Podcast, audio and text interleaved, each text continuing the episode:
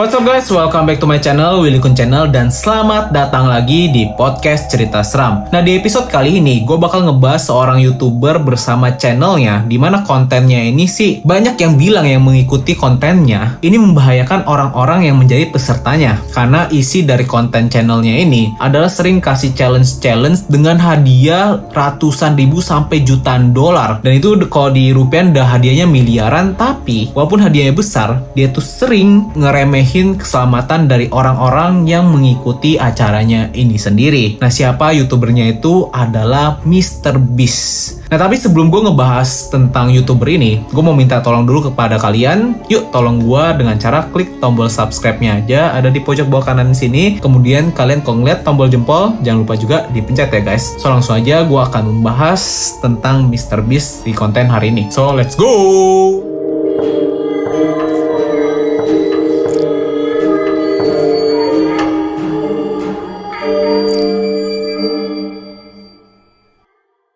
Nah buat kalian yang belum tahu Mr. Beast itu siapa? Mr. Beast adalah seorang YouTuber. Kalau sekarang sih dia itu 5 terbesar YouTube di dunia dengan bayaran 20 orang tertinggi dengan bayaran di YouTube. Nah Mr. Beast ini sendiri, wah gue kaget sih. Dia itu sebenarnya berumur 24 tahun, bernama asli Jimmy Donaldson yang lahir pada tanggal 7 Mei 1998. Dia masih muda banget ya. Bahkan gue ini lebih tua dari dia guys. Dia berasal dari Amerika dan dulunya pas dia memulai YouTube itu ketika dia berumur berumur 13 tahun pada tahun 2012.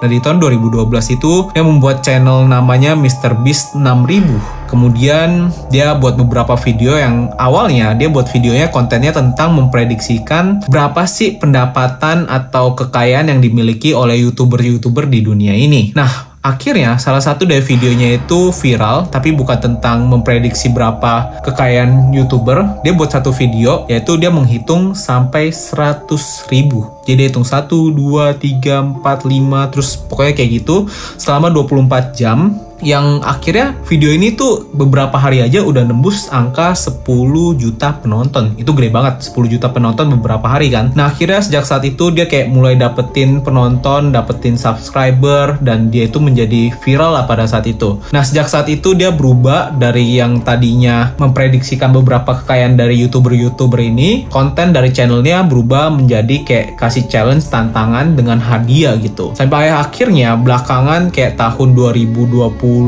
sampai 2021 dia semakin viral karena dia buat satu tantangan yang gue inget banget tuh waktu itu sangat terkenal yaitu tentang Squid Game. Jadi dia buat Squid Game di dunia nyata terus datengin orang-orang sebanyak 100 orang dan tantangannya tuh mirip banget. Kemudian hadiahnya itu juga nggak kalah gede guys. Apalagi orang-orangnya tuh juga latar belakangnya kayak orang-orang yang kurang mampu pada saat itu. Jadi kayak bener-bener ngebuat Squid Game yang dibungkus ke dalam dunia realita. Nah akhirnya dia semakin viral dan hadiahnya itu semakin gede. Bahkan kabar terakhirnya rata-rata dari hadiah orang yang ngedapetin kalau menang di acara dia itu sampai 500 ribu dolar. Itu udah kayak di rupiah bisa sampai miliaran kan guys. Nah, tapi konten-kontennya walaupun sangat menarik, sangat penuh dengan drama, dengan ekspresi emosional gitu ya guys ya. Akhirnya, dua bulan yang lalu ada seorang pengguna Reddit. Nah, Reddit ini sama kayak Quora di Indonesia, tempat orang kayak curhat tapi dia bisa pakai nama yang disamarin, terus identitasnya nggak ketahuan. Dia ceritain kalau dia ada di salah satu acara si Mr. Beast ini yang menceritakan tentang 100 orang cewek dan 100 orang cowok yang bisa bertahan di dalam lingkaran akan mendapatkan uang gitu. Nah tapi si orang yang cerita ini dia bilang tuh si Mr. Beast ini bener-bener gak pakai perasaan banget ketika mereka ada di dalam ruangan tersebut. Pokoknya dia mikir dia memberikan uang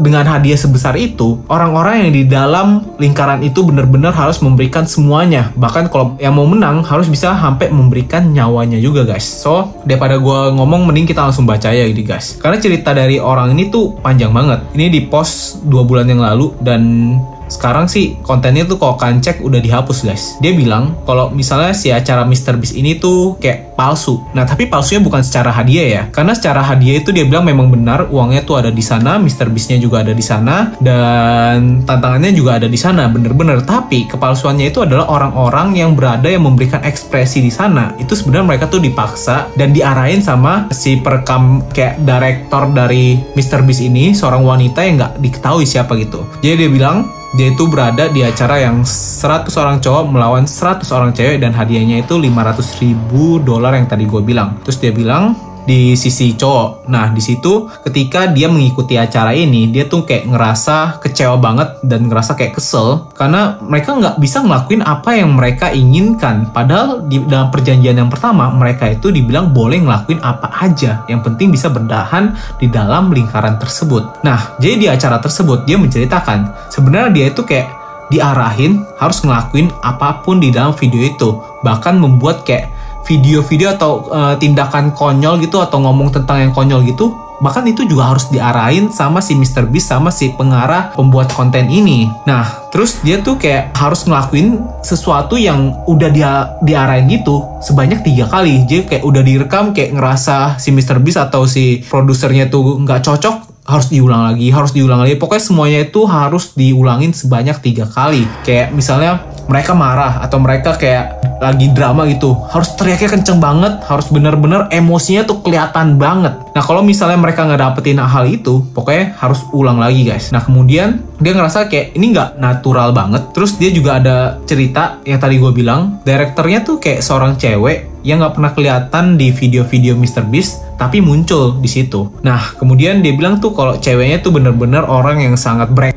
banget karena ceweknya tuh kalau ngarain orang tuh nggak pakai babibu babibu guys pokoknya lu harus gini gini gini dengan kata-kata yang nggak mengenakan hati gitu terus juga si ceweknya ini dia juga sering ngobrol sama si Mr. Beast dia bilang di sana si Mr. Beast itu harus ngambil semua handphone dari pesertanya ini. Jadi semua pesertanya ini nggak boleh megang handphone sama sekali, nggak boleh ngerekam apa yang terjadi di situ, biar nantinya nggak boleh kayak behind the skinnya atau gimana cara buat filmnya itu atau kejudesan Mr. Beastnya atau kejudesan si produsernya ini nggak keluar ke dunia yang nyata gitu pokoknya cuma boleh di dalam ruangan rekaman tersebut dan mereka bahkan telah diambil handphonenya ini. Ketika mereka nggak nge-shoot aja mereka itu tetap diambil handphonenya dan mereka nggak boleh hubungin keluarga mereka. Dan kalau mereka mau keluar mau ke toilet lah mau bagaimanapun ya mereka itu kalau keluar pokoknya di lingkaran tersebut dinyatakan gagal guys. Dia juga cerita tuh di situ ada kayak seorang pria yang kena diabetes dan dia butuh kayak obat insulinnya. Tapi si Mr. Beast sama si ceweknya ini bilang enggak lu nggak boleh bawa insulin itu ke dalam lingkaran ini. Kalau misalnya lu butuh banget insulin itu silakan keluar dari lingkaran ini. dan mereka juga cowok ini bilang kayak ada adegan-adegan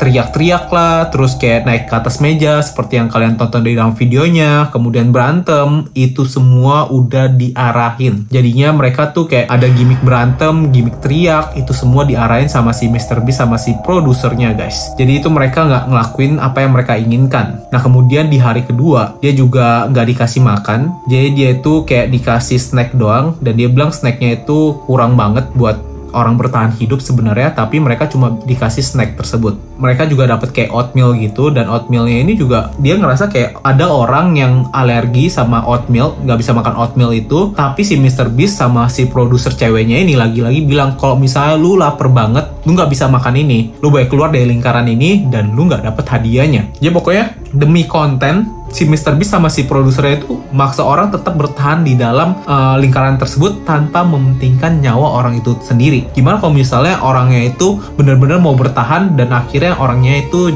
kehilangan nyawanya. Nah itu yang nggak dipikirkan oleh Mr. Beast dan si produser ceweknya ini guys kata pria ini. Dan akhirnya setelah beberapa saat gitu ya, dia bilang kalau si Mr. Beast itu juga udah berkali-kali bilang ke orang-orang yang di sana pokoknya kalau kalian nggak bisa bertahan udah keluar aja nah setelah mendengarkan kata ini mereka nggak bisa kayak ngehubungin keluarga mereka nggak bisa kasih kabar mereka lagi di mana banyak orang yang akhirnya menyerah dan keluar dari lingkaran ini karena mereka menganggap kalau mereka tuh nggak dianggap seperti manusia dan keselamatan mereka itu nggak dilindungi oleh Mr. Beast ini nah Mr. Beast ini juga aneh banget guys setelah konten ini dibuat dan dipublikasiin dan di kayak viral gitu ya di dunia Reddit dan udah pasti di dunia TikTok di dunia YouTube gitu anehnya konten ini tuh di take down sama moderator dari Reddit. Gak tahu kenapa, banyak yang berspekulasi atau berpikir jangan-jangan Mr. Beast ini ada kenalan sama Reddit. Dia nganggep kayak ini di take down karena bisa ngerusak pamor dari si Mr. Beast ini karena saking besarnya pengaruh Mr. Beast ini mungkin konten viralnya itu ya di dunia jadi Reddit lebih memilih buat ngelindungin nge-backup si Mr. Beast ini daripada uh, kenyataan yang dibungkus atau diceritain sama orang yang mengikuti acaranya ini terus si ada juga orang yang ngebaca konten ini dan tergerak hatinya dan dia tuh kayak cerita rupanya dia itu ada di sisi cewek dan dia mengatakan dia cukup kebingungan kenapa konten atau sisi dari tulisan yang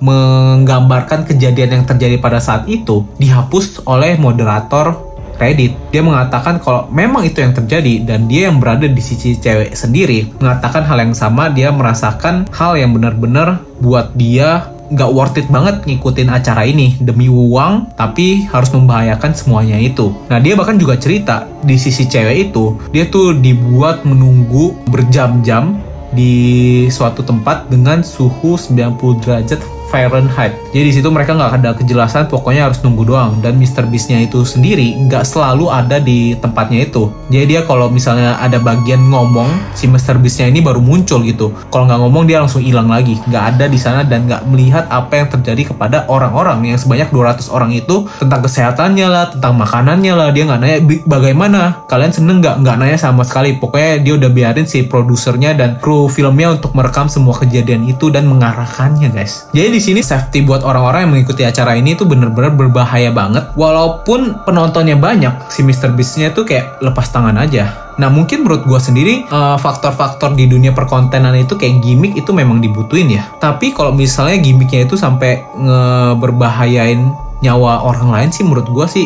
gue big no ya apalagi kayak konten-konten yang nggak berpikir ke depannya menurut gue pribadi itu juga parah banget guys nah tapi memang kalau ngomongin tentang Mr. Beast ini juga dia itu bukan seorang youtuber yang mengelola channelnya sendiri. Apalagi dia itu punya 5 channel dan semua channelnya tuh gede. Ada channel tentang gaming ada channel tentang uh, reaksi gitu ada tentang short terus tentang channel yang besarnya ini tentang challenge challenge dan ada lagi satu channel lagi. Dia mengelola itu semua tapi menurut gue itu nggak melepas bagaimana seorang content creator harus kayak sadar konten yang mereka buat itu berbahaya mengedukasi atau enggak dan gue sih sebenarnya cukup kecewa sama Mr. Beast ini ya guys ya tapi ya balik lagi gue juga tahu orang-orang yang mengikuti acara-acara seperti ini ya memang tergiur dengan uang ya guys mungkin banyak dari kalian yang mikir ah mereka udah kayak ngikut acara ini demi uang segitu harusnya mereka rela berkorban lah menurut gue enggak ya tapi ya